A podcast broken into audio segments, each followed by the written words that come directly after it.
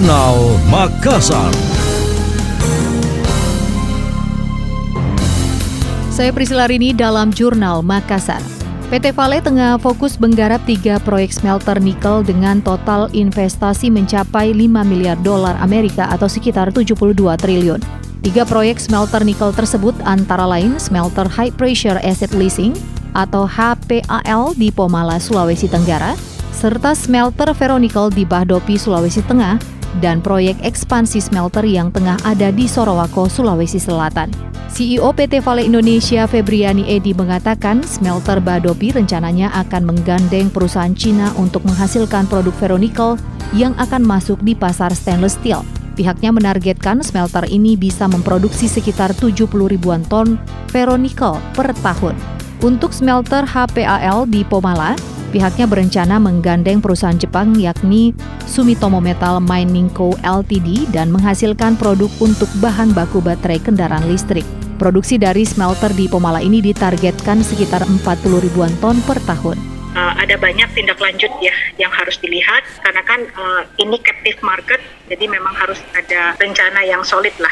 Uh, kita sih uh, saat ini menjajaki pembicaraan dengan PLN apa pun hasilnya nanti harus didiskusikan juga dengan partner disepakati ya. Tentu kalau semua requirement karena power ini critical ya, tidak ada power pabriknya jadi bisa kacau kan.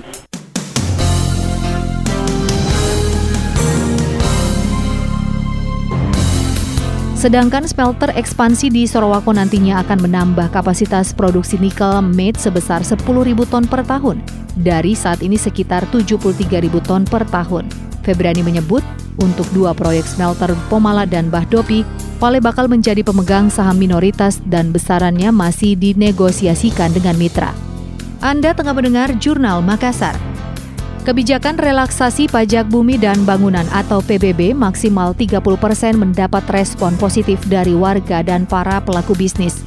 Badan Pendapatan Daerah mencatat sejauh ini sudah diterima 300 lebih pemohon dan 4 di antaranya merupakan perusahaan. PLT Kepala Bapenda Makassar Firman Pagara mengatakan, diskon pajak diberikan kepada mereka yang telah melakukan penyuntikan vaksin COVID-19.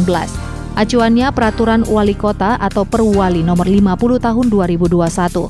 Firman menyebut relaksasi pajak tersebut hanya berlaku sepanjang September 2021. Ada sejumlah langkah untuk mendapatkannya.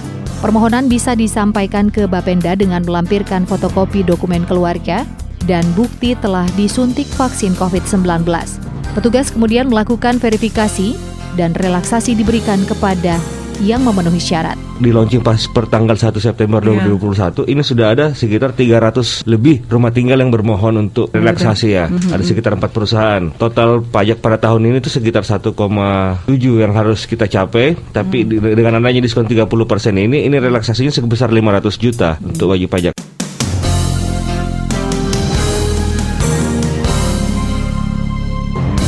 Firman mengaku penerimaan pajak tahun ini ditargetkan sebesar 1,7 triliun rupiah. Dampak relaksasi PBB, penerimaan pajak akan berkurang hingga 500 juta rupiah.